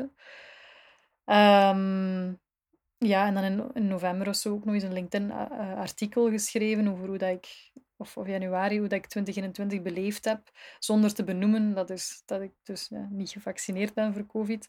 Um, dat ik, uh, dat ik 2021 allee, dus wel heel heftig heb ervaren. Die CST vind ik echt het meest verschrikkelijke gedrocht dat er ooit bedacht is geweest. Mhm. Omdat dat eigenlijk mensen uitsluit op basis van medische keuzes. Ehm, dat, is, uh, het, allee, dat heeft mij ook gechoqueerd, eerlijk gezegd. Dat uh, mensen, veel mensen daarin meegegaan zijn, of dat nog maar een regering dat overweegt of overwogen heeft en geïmplementeerd heeft. Uh, dat je mensen gaat uitsluiten op basis van zoiets. Je zou kunnen zeggen dat ons geldsysteem ook mensen uitsluit. Want als je niet genoeg geld hebt, kunnen niet naar het theater of zo. Maar allee, het was toch wel next level. Um, Zie je dat terugkomen ja. binnenkort? Ja, wel, ik ben bang dat ik een beetje gebrainwashed ben door wat ik allemaal op alternatieve kanalen zie. dus mijn gevoel is um, dat het gaat terugkomen de CST in het najaar. Allee, als we het allemaal tolereren. Als we het niet tolereren, dan niet waarom, natuurlijk. Waarom zeg je gebrainwashed? Um, dat je altijd gebrainwashed wordt. Bewust en onbewust. Um, ik volg wel die profielen allee, op, op, op uh, Instagram. Um, dus dat is ook een, een, bepaald narratief dat die dan denken. Hm. maar zo, die kritische mensen, zullen we ze noemen, ja. hebben wel ongeveer twee jaar altijd gelijk gekregen in juni 2020, toen jij in Gent op je bankje zat, uh, waren er van die kritische stemmen die zeiden: binnen een jaar zitten we met een Green Pass in Europa uh, en gaan we zonder vaccin niet meer kunnen reizen. En iedereen lacht dat uit. Factcheckers zeiden van dit is complete onzin. En een jaar later was het zover. Mm uh, en ik vind het altijd belangrijk om, om, om te herhalen, want mensen staan daar eigenlijk heel weinig bij stil. Mm Hoeveel dat die kritische stemmen eigenlijk alles redelijk goed hebben hebben voorspeld. Um... Ja, ja. Stel dat nu, we zitten met een voedsel, uh, voedselcrisis meer en meer. Mm -hmm. Een jaar geleden, in 2021, hè, toen de Green Pass was ingevoerd, zeiden een heel aantal van die kritische stemmen, pas op, volgend jaar gaan we met een voedseltekort zitten. En we zijn nu een jaar verder. En helaas blijken die mensen ook weer al gelijk te hebben. Ja. Ja, ja, dat is ook een beetje mijn frustratie geweest, doordat ik die accounts volg van een aantal mensen. Dat, ehm, dat ik mij zo'n beetje een waarzegger voel, zo'n paar maanden vooruit telkens. Mhm. En like vorig jaar in de zomer, toen ik dan juni die post maakte, dan zei ik ook al tegen mijn ouders van... Allee, dus ze konden het wel accepteren dat ik mij niet liet vaccineren. Niet iedereen in mijn familie heeft zich laten vaccineren, sommigen wel, sommigen niet. Ehm, dus allee, we hebben geen echte... We, zijn, we waren welkom bij kerstmis. Ehm, maar ja, allee, wel, we moesten wel voorzichtiger zijn met mijn grootouders enzovoort. Ehm, maar toen zei ik al tegen mijn ouders in de zomer van... Ik zie van andere landen dat er zoiets van een, een pas komt of zo. En ze zeiden, ja, nee, nee. Of, of veel mensen zeggen dan van mijn vrienden die, die wat mee zijn in het andere verhaal of in het, het, hoofd, in het hoofdnarratief, die zeggen dan van, oh ja, maar dat zien we wel, of wow, dat weet ik toch niet. En dan gebeurt dat, en dan is dat zo... dan vind ik dat wel frustrerend, zo van, I told you so. Maar, Ja. allee, ik zou liever ongelijk die, die hebben. hebben ook geen, geen last van natuurlijk. Hè. Eh, Al die mensen die mee waren in het narratief, zeg maar, die konden op restaurant gaan. En het enige wat ze moesten doen was even die onnozele QR tonen. Zij beseffen veel te weinig dat de mensen die QR-code niet hadden, echt Mhm. uitgestoten zijn geweest. Ehm, Ik heb daar ook verhalen van. Allee, ik, heb, ik wou eens met mijn broer naar de Matrix in de cinema gaan kijken, een paar maanden geleden. En allee, je moet allemaal, je, allee, iedereen moet voor zichzelf eh, bepalen wat zijn uw waarden en normen, ook in dat corona-verhaal. Wat is, waar sta je voor, waar sta je niet voor en welke actie neem je, acties neem je die overeenstemmen met je waarden. Bij mij was dat, ik wou die een app niet, die corona, zowel niet die corona, was het eerst zo dat je weet dat je in de buurt bent geweest van iemand die mogelijk positief Ja. was. ja. Dat wou ik niet. En dan ook die QR-code wou Ja. ik ook niet. Ik heb dan enkel als ik wou reizen of zo, dan wel eh, een test van een labo op papier gehad en zo, maar dan geen QR-code. Maar dus, ja, ik wou naar de cinema gaan met mijn broer en dat was toen nog met een, een CST. En ik had eh, een officieel blad met een, een antigenetest die negatief was ehm, van een apotheker. En ik, ik ging naar de cinema en eh, ze wilden mij niet binnenlaten. En ik zeg, ja, maar het is officieel, dat is wat er nodig is. En dan zeiden ze, nee, nee, de overheid zegt dat je een CST moet hebben. En ja, natuurlijk, zo duidelijk staat dat niet op de overheidswebsite van, moet je een QR-code hebben of niet? Ehm, dus in het reizen waren ze vaak veel meegaander. Maar Ja. dus, ik snap het ook wel op een manier. Want- de cinema niet binnengemogen dan. Nee. Het grappige is, terwijl ik aan het discussiëren was met de managers, zijn er andere mensen gewoon er wel doorgeglipt zonder Ja. een controle. Dus het is niet dat we met een soort van ebola, dat iedereen in paniek slaat. Dus, ehm, dus ja, ik ben dan naar huis gegaan. Ik heb het online gestreamd, eh, illegaal. maar kijk, ik heb het dan wel gevonden. Ehm, maar eh, dat deed mij wel... Allee, dat vond ik dan ook zo dubbel, want The Matrix, dat is een film. Ik heb daar dan ook zo memes op internet over gezien van... Je moet eigenlijk in de Matrix zitten Ja. om naar de Matrix te kunnen gaan kijken. Ehm, en nog een, eh, een heel emotioneel moment was voor mij dat ik... Ik was in september vorig jaar eh, naar Rome gereisd. Ik had juist ook kittens in huis gehaald. Dus met mijn twee kittens voor het eerst op de vlucht naar daar. eh, eind augustus tot begin september. Begin september, ik wou terugvliegen naar België. En ik dacht, ja, ik heb niks nodig qua corona om terug naar België te vliegen. En ik kom toe aan de check-in in Rome en daar zeiden ze van ja, uw, uw- coronapas alsjeblieft. Dus ik toon mijn eh, PLF-formulier, dat je zo terug naar België reist. Dan zeiden ze nee, nee, nee, uw corona, echt eh, zo een ander certificaat. En eh, ik zeg ja, maar dat is niet nodig. Ik ga terug naar mijn, naar mijn eigen land. En dan zeiden ze jawel, sinds 1 september, dus dat was net een paar dagen ervoor, maar dat wist ik niet, moest je op alle vluchten in Italië van allee, vertrekkende en toekomende moest je dus eigenlijk een test, een herstelcertificaat of een eh, vaccinatiepas hebben. Dus betekende, ik heb mijn vlucht gemist. Ik heb dan in, in de luchthaven ehm, ja, een test moeten doen. En dan een paar uur later was er een andere vlucht dat ik nog net mee op kon.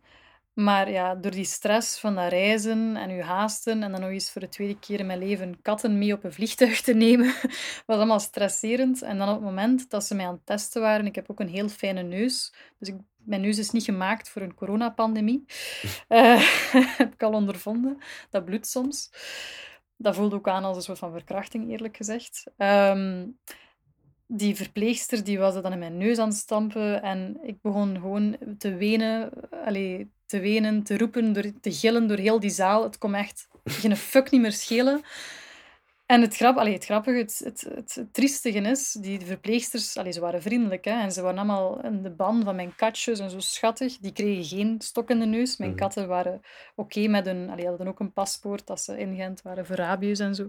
Maar dat is iets anders. Ehm, maar eh, dus ik, ik moet de stok in mijn neus krijgen en mijn katten zijn gewoon oké, die zijn gewoon schattig. Allee, ik voelde mij slechter behandeld dan mijn katten Mhm. eerlijk gezegd. Dus dat is voor mij ook... Ja, en ik hoop, allee, ik hoop dat, we, dat de toekomst er rooskleuriger uitziet en dat we niet terug naar zo'n CST gaan. Maar ik denk dat het zal afhangen van hoe dat de mensen, het volk, reageert, eerlijk gezegd. Maar is het misschien ook niet nog nodig dat we het wel terugkrijgen, zodat genoeg mensen beseffen hoe, dat we, met, hoe dat gemanipuleerd en, en belogen zijn? Ik denk dat het waarschijnlijk nog één keer nodig zal zijn, zodat de massa echt, dat er nog meer mensen gaan zeggen van nu stop het. eh, en dat we eindelijk om af kunnen maken met de politici die ons eh, deze zever hebben doen doen. Ja, maar dan, allee, ik ben normaal wel positief, maar zal het dan niet een beetje zijn wat je er juist zei, van dat ehm, de mensen die er geen last van hebben. Ik heb vrienden die direct zeggen, als ik de vraag stel, gaat je een vierde vaccin gaan halen, die direct zeggen ja. Ehm, ja, die gaan geen last hebben van een CST. Hè? Nee, misschien wel van bijwerkingen. Ja, soms, maar ik zeg het, ik heb ook niet alle waarheid in pacht. Dus eh, ik zie iedereen graag, gevaccineerd, Mhm. ongevaccineerd. Maar soms denk ik van, als mijn stelling klopt, want ik blijf mezelf ook gewoon in vraag stellen, dat ik misschien zelf het niet helder zie. Tuurlijk. Ik denk dat dat gezond is om jezelf ook in gezond, vraag te ja. stellen. Ehm, maar stel dat dus inderdaad dat er veel bijwerkingen... Allee, allee, sowieso zijn er bijwerkingen, maar ehm, dat ik soms hoop dat mijn geliefden dat die een serieuze bijwerking krijgen, maar niet te serieus. Dat ze zo nog kunnen herstellen van de bijwerking, maar dat hun ogen open gaan. Dat het misschien niet zo goed is om booster na booster te pakken. Ehm, als dat het geval is, hè, opnieuw. Ik stel mezelf graag in, vraag. Ehm, maar ik denk dat het niet zo gezond is, al die boosters. Tenzij dat je echt een bepaalde gezondheidsrisico... I don't know. Ehm, dus ja, dan, ik denk dat het eerder zo een afvalrace is van mensen die wakker worden. Dus, en dat is natuurlijk, dan krijg je geen serieuze revolutie in één keer, maar dan is het telkens bij elke vaccinatieronde dat mensen ernstig ziek worden of overlijden. Ehm, en zo langzaamaan mensen misschien anders beginnen denken. Het is gewoon een IQ-test volgens mij.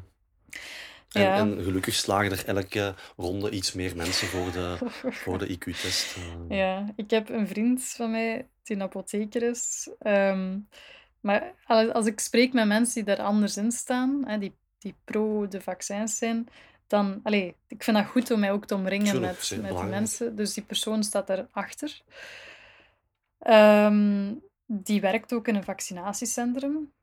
Dus ik vind dat een hele moeilijke, omdat ehm, ik heb hem al, al lachend soms gezegd van als er ooit tribunalen of zo komen of, of, of je moet jezelf verantwoorden, dan zal ik wel een goed woordje doen dat je, dat je een goede mens bent en zo. Ehm, maar eh, allee, ik heb ook wel eens gedacht om naar zo'n vaccinatiecentrum te gaan om vooral te zien hoe gaan ze daar om met de mensen, welke disclaimers geven ze mee. Want dat is voor mij ook heel belangrijk. Als mensen alle informatie op, ik denk, meekrijgen. wel dat uw kennis en, en bijna iedereen die in zo'n vaccinatiecentrum werkt, dat doet met de, met de juiste intenties. Mhm. Zo mensen moeten nooit voor... Allee, moeten nooit volgens mij juridisch eh, berecht worden. Want die geloven oprecht en dat is heel mooi dat ze mensen, mensen helpen. Ehm, dus tegen zo'n mensen moeten we ons nooit...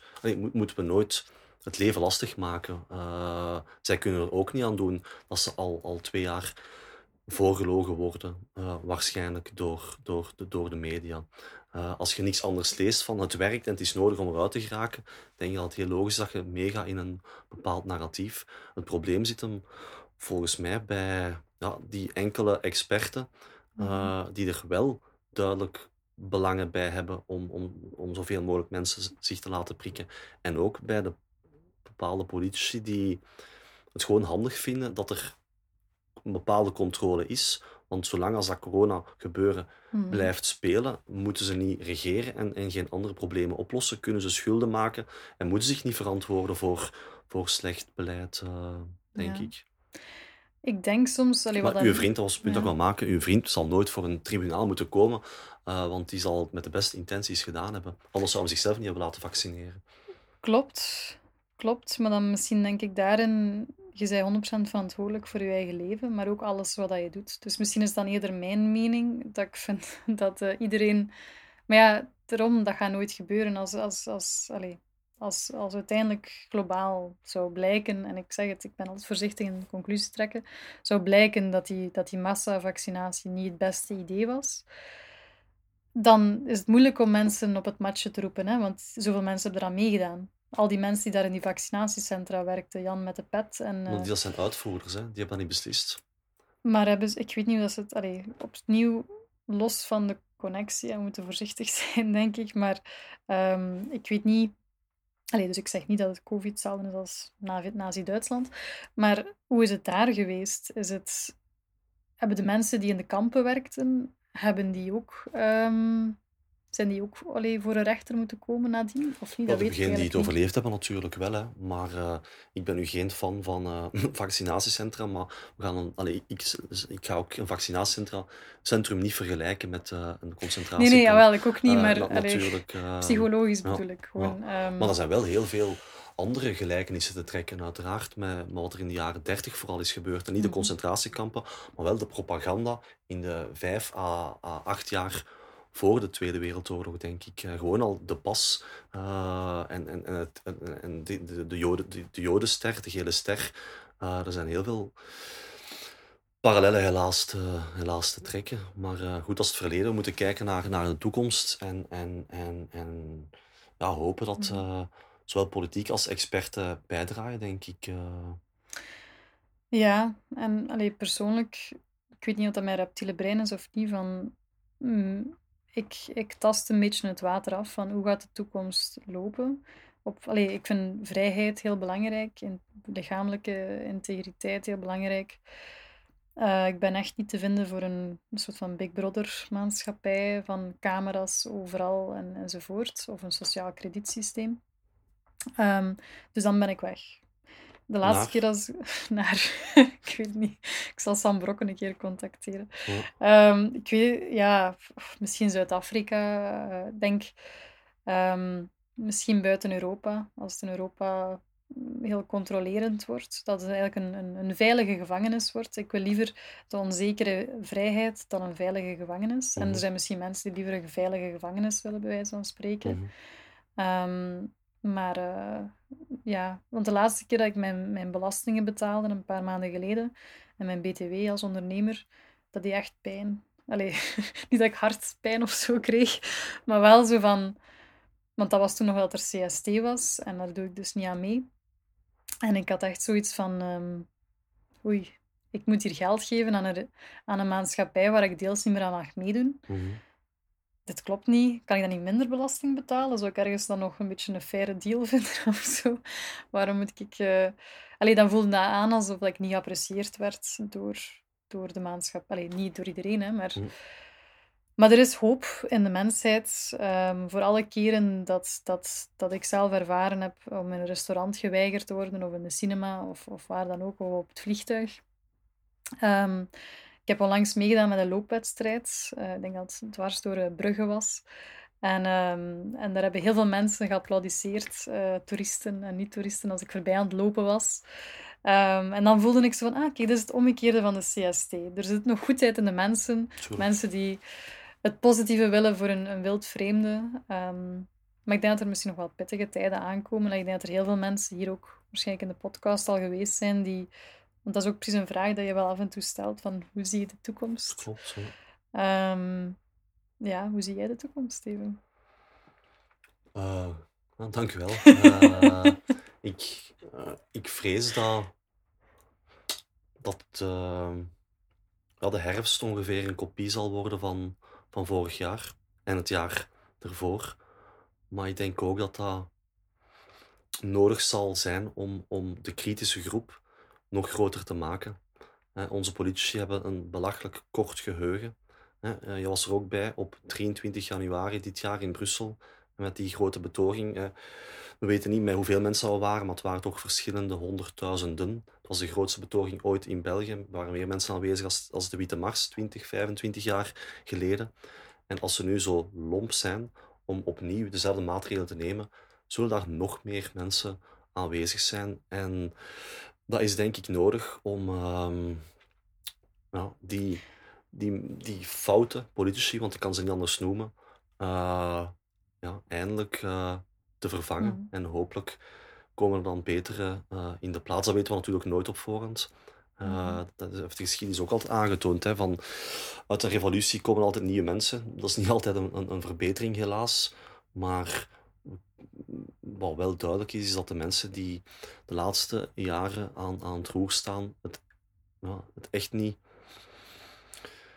heel goed hebben gedaan. Uh, dat is een understatement. Dus, uh, la, dus voor mij mogen ze het perfect opnieuw invoeren. Want dan gaan ze nog veel sneller dan ze zelf uh, beseffen, volgens mij, aan de kant geschoven worden. Mm. En dan hoop ik gewoon dat genoeg mensen hun ja, hun hoop uh, niet verliezen, want nu is het allemaal redelijk oké. Maar uh, ik heb ook heel veel berichten gekregen. Hè. Je hebt ook net die, die periode beschreven, hè. de herfst-winter van vorig jaar was voor veel mensen, voor mezelf in kluis trouwens, soms enorm zwaar. Mm. Uh, omdat die mensen, en ik ook, voor de eerste keer in hun leven hebben meegemaakt hoe het voelde om echt gediscrimineerd te worden. Mm. En hmm. soms zelf erger. Hè. Um, mensen die allee, kritisch waren of zich niet willen laten vaccineren, zijn uitgemaakt voor moordenaars. Uh, ik heb ook verschillende keren mogen eh, of moeten, moeten ervaren. En dat raakt iedereen wel.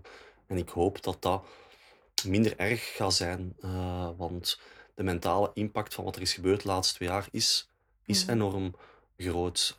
er zijn nog veel te weinig onderzoeken gedaan naar, naar zelfmoordcijfers, denk ik. Ook, ook de impact op kinderen. Uh, daar heb ik het meeste schrik voor. Ik hoop echt dat onze kinderen niet meer opnieuw met een mondmasker uh, mm. naar school moeten.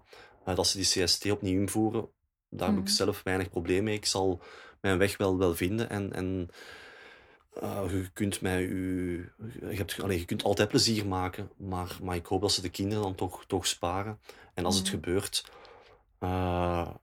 als de CST, terug, CST terugkomt, dan, dan ben ik er vrij zeker van dat onze politici uh, nog sneller dan, dan, uh, dan, allee, dan, dan vandaag het geval is, uh, bijna hun eigen graf gaan graven. Ik doe dat niet letterlijk, hè, voordat ze mij beschuldigen van, van verspreiden van, van haat. Maar het is duidelijk dat allee, die mensen zouden nooit meer beleid mogen voeren. Zowel de politici als, als die experten die ons deze maatregelen hebben, hebben opgedrongen. En tenslotte hebben we ook nog de media. We hebben het ook al over gehad in dit gesprek. Uh, ik denk dat de meeste journalisten het niet beseffen. Mm. Uh, zij willen ook gewoon verkopen en angst verkoopt. Maar uh, de media heeft, heeft, ook enorme fouten gemaakt. En daarom doen wij hier uh, deze podcast ook. Omdat we hopen dat meer mensen kritisch gaan nadenken. En de media heeft niet altijd haar rol goed gespeeld. En, mm. en door dit te doen, hopen we ja, dat, dat, dat de media dat terug gaat doen. En als ze het niet doen, dan zal er, eh, zullen er meer en meer alternatieve media ontstaan. En die alternatieve media zullen dan de media worden. Mhm. Maar uh, ja, dat is een beetje uh, hoe, ik het, hoe ik het zie. Ja, ik denk niet dat er, allez, ik denk niet dat er toeval bestaat. Dus alles gebeurt zoals het moet gebeuren. En het is de normale evolutie momenteel dat de wereld moet evolueren. En ik denk dat geeft wel vertrouwen. Ja persoonlijk mijn filosofie. Ehm, ja, ik ben door die moeilijke eigen periode geweest, ik dan die ayahuasca heb gedaan enzovoort. En ik ging eigenlijk van een wereldbeeld waar dat ik mij heel allee, angstig voelde. Van, van ik ben maar één pion in een grote wereld en als ik doodval, dan val ik dood en dat was het dan. En dat heeft geen betekenis. Naar meer een soort van eigen filosofie van het leven. Van als ik aan mezelf werk, ik geloof alles is energie.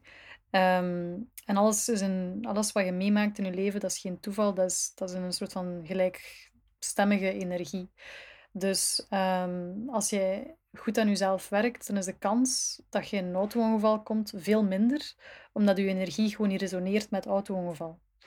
Mm En dat geeft voor mij veiligheid. Ik denk dat veel mensen op zoek zijn naar veiligheid en dat voor veel mensen het leven een soort van Russische roulette is. Sommigen worden ziek, sterven, sommigen niet. Opnieuw, ziekte en sterven is ook maar ons subjectieve ervaring dat dat fout is of slecht is. Het oneindigheid der dingen is niets juist of niets fout. Maar wat mij kracht geeft, is gewoon te weten dat als ik aan mezelf werk, door mijn mindset, gezonde voeding, te sporten, mij te omringen met mensen die mij energie geven, in plaats van energie kosten, ehm, al die soort van zaken, dan ben ik ook meer beschermd. Um, ik heb overigens een paar maanden geleden ook corona gehad. ik dacht uh, dat ik immuun was. Maar je leeft nog? Wauw. Ik leef nog, denk ik, terwijl het een soort van hologram is van wie ik ben. Nee, uh, ik heb uh, twee halve dagen een klein beetje mij ja, een beetje vreemd gevoeld. Mm -hmm. um, maar dus, maar ja, ça va. Maar ik was wel voorbereid. Ik had mijn vitaminetjes, dat wel enzovoort. Maar um, ja, allee, dat is ook weer geen toeval dat, dat ik ik was voorbereid, ik had een positieve energie en, en het was zover. Oké. Dus als dat kan helpen aan degenen die dit, hier, dit gesprek horen, ehm, werk aan jezelf, aan je eigen positieve mindset, los wat er dan in je buitenwereld gebeurt, wat dan een CST is, of een, of een incompetente politieker, of, uh, of, of een oorlog, of whatever. Um, het zal u niet veel uitmaken. Hm. Heb je nog een concrete tip voor mensen die met angst zitten? Want dan merk ik dat dat vaak toch het grootste probleem is. Uh, dat mensen echt bang zijn voor wat er gaat ga komen. Hoe kunnen mensen met die angst aan, aan de slag? Verschillende manieren. Je kunt um, een keer, allee, je kunt dat met een, een, een coach doen, of per twee, met een partner of met een vriend of vriendin. Dat je eigenlijk gaat kijken naar wat ligt er onder die angst vaak hebben we angst, maar we hebben nog niet tot, de, tot de, allee, echt in de diepte bekeken waar heb ik dan eigenlijk angst voor. Mm en dat je eigenlijk, dat noemen we de seven levels deep, zeven lagen diep, dat je eigenlijk uh, minstens op zeven niveaus gaat doorvragen van oké, als waar heb ik angst voor? Oké, ik heb angst dat de CST terug ingevoerd wordt. Oké. En dan de vraag stellen, wat is het ergste dat kan gebeuren als de CST opnieuw ingevoerd wordt? Ah, dat ik uh, niet meer op restaurant kan met mijn vrienden. Oké, wat is het ergste dat kan gebeuren als je niet op restaurant mee kunt met je vrienden? Ah, dat ik mij uitgesloten voel. Oké, wat is het ergste dat kan gebeuren als je je uitgesloten voelt? En dat je zo telkens dieper en dieper gaat. En dan kom je vaak bij van die um, basiszaken uit, van angst om alleen te zijn mm -hmm. of um, zo van die zaken. En dan weet je tenminste wat eronder zit en dan kun je er iets mee doen. Ja ook, er is een verschil tussen um, de fysieke realiteit en de wereld van gedachten en gevoelens en emoties en angsten enzovoort. De wereld van de fysieke realiteit is de wereld waar het water nat is en stenen hard zijn en eh, de gsm die je kan vastpakken, dat is de fysieke realiteit. En dan de wereld van gedachten en emoties en gevoelens, uh, dat reptiele brein, die fight, flight, freeze, die, die oh nee, de toekomst doemdenken of het verleden nostalgisch denken, dat, is allemaal, dat bestaat niet. Dat zit in je eigen hoofd of, of in je gedachten. Dus dat is niet echt. Dus merk dat op, zet het aan de kant en kom terug in het hier en nu. Doe lichaamswerk, ga gaan sporten, um, spreek af met vrienden in het hier en nu. Dat kan ook helpen dat je niet een soort mentaal masturberen noemen we dat, dat je ergens in een fantasiewereld zit in je hoofd, want daar, daar gaat het toch niet beter van worden. Is uw gsm afzetten uh, of minder bekijken ook geen goede tip? Ah, nee, zo, je hebt enerzijds het nieuws, maar, maar misschien ook sociale media of... of uh...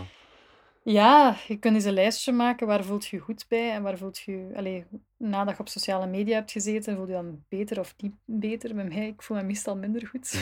Mm Met al die, al die kanalen die ik nu volg. Ja. Dus ik moet er ook zelf op letten. Ja. Ik heb eens, um, misschien ken je die dame, Annelies uh, van Bellen. Zeker. Ja. Super um, leuke madame. Van de Human Side. Ja. Um, zij, uh, allee, zij zei een keer dat zij een zuivere zondag doet. Mm. Dus ik had ook al, allee, ik geef ook soms trainingen over digital detox enzovoort. Minder op je gsm en zo zitten dat je eigenlijk een dag in de week pakt, dus zondag bijvoorbeeld, dat je ik vind, niks wel, van... ik vind dat wel een slechte dag, want op zondag hebben we altijd onze, onze uitzending natuurlijk. Dus dan kunnen ze beter een, een zuivere maandag pakken, sorry. Ja, ja, dat is misschien moeilijk met werk voor sommigen. Pak dan een zaterdag of zo.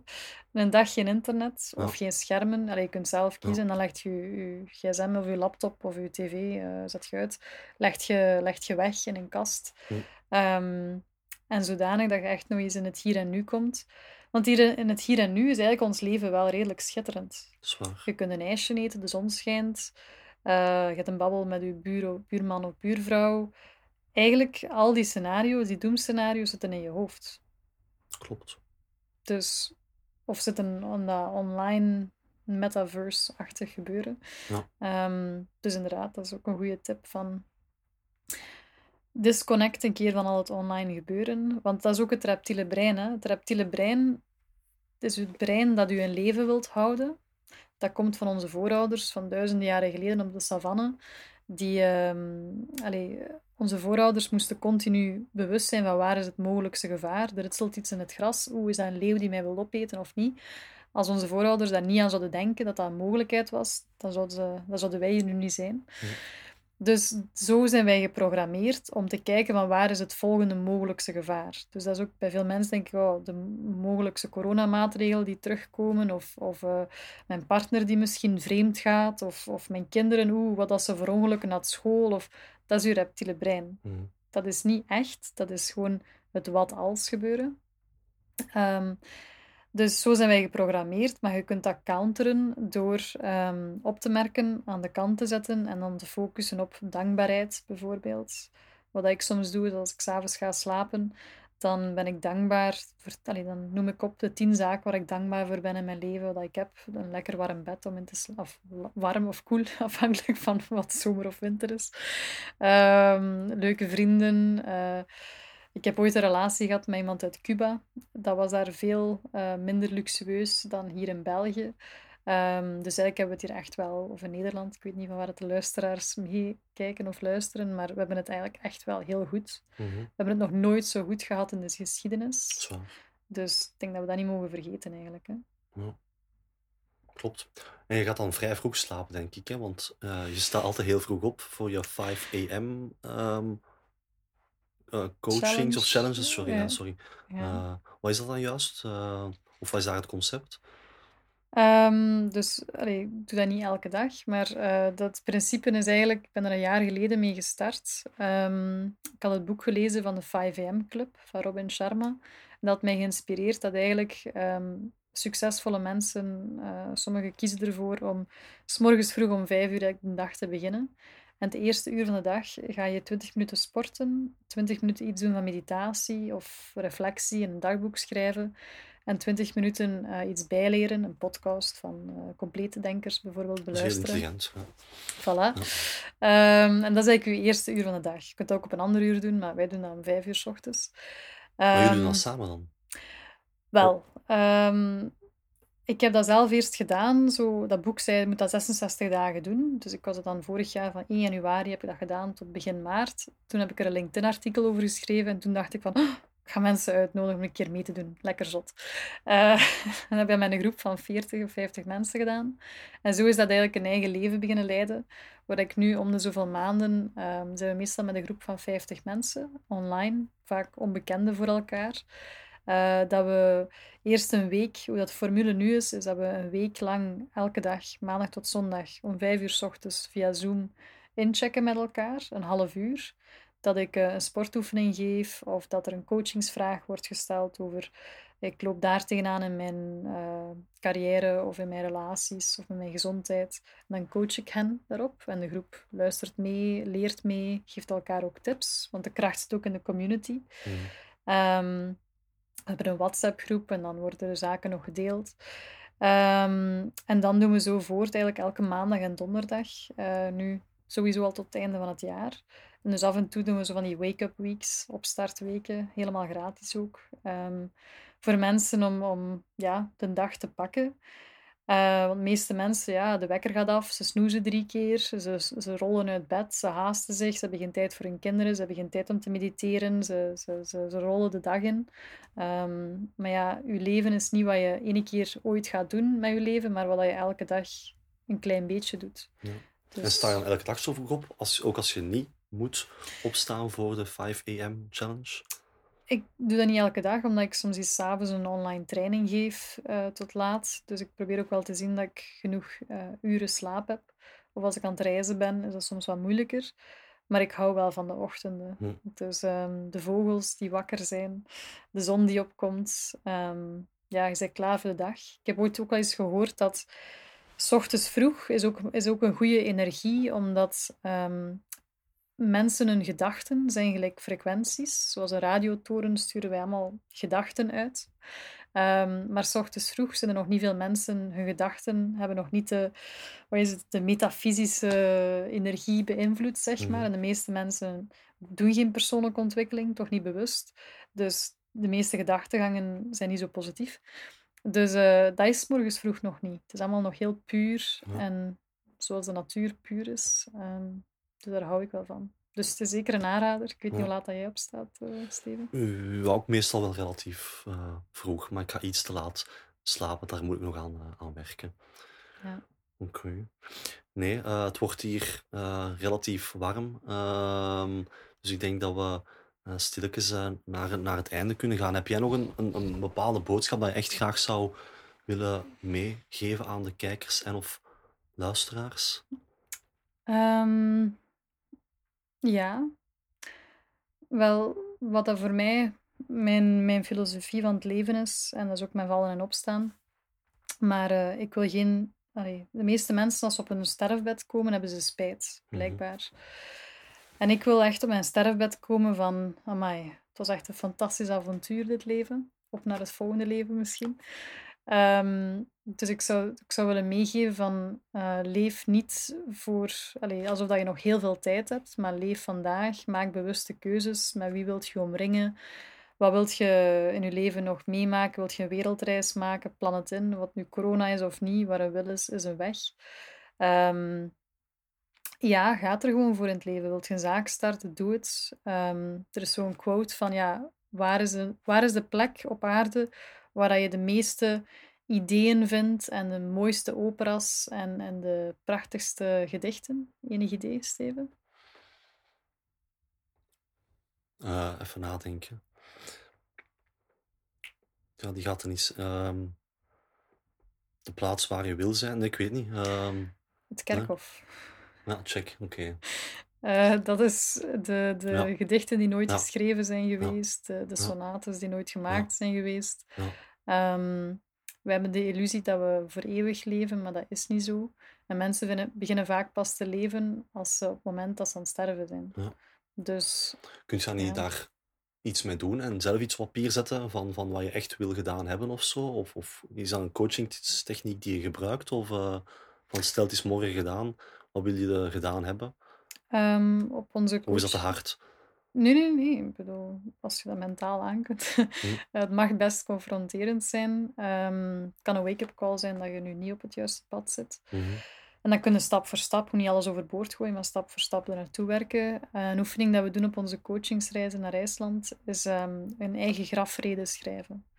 Dat je je voorstelt dat je op je eigen begrafenis staat en dat een eh, goede vriend of vriendin je houdt een soort van grafrede die vertelt van ah, hier ligt Steven, hij was zo en zo iemand, hij was zo een vader, hij was zo een vriend, hij heeft dit voor zijn gemeenschap betekend.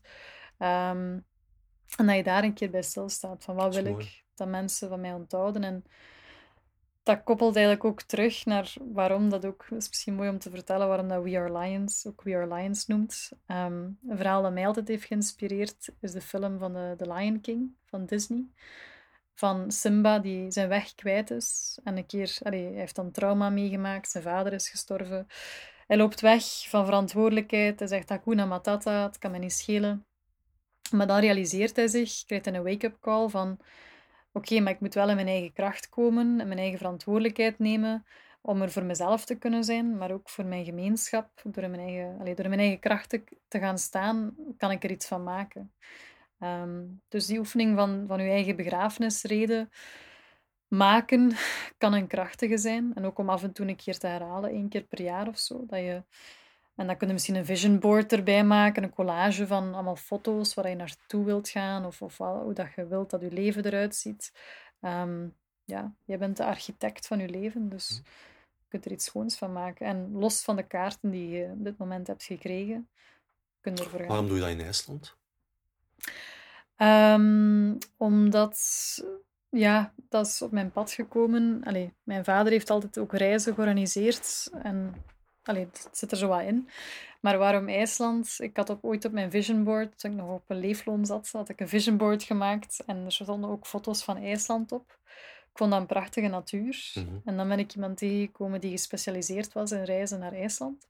Dus hè, dat is geen toeval. Ehm, en ik heb ook gerealiseerd, uh, nu op onze laatste reis in oktober, dat ehm, dat is het land van transformatie. Dat is het land van water en vuur en, en er, is, er is heel weinig bevolking. Uh, het is een prachtige natuur. Je wordt echt overweldigd door, door de essentie van het leven, zeg maar. Waar wij een onderdeeltje van zijn, van die natuur.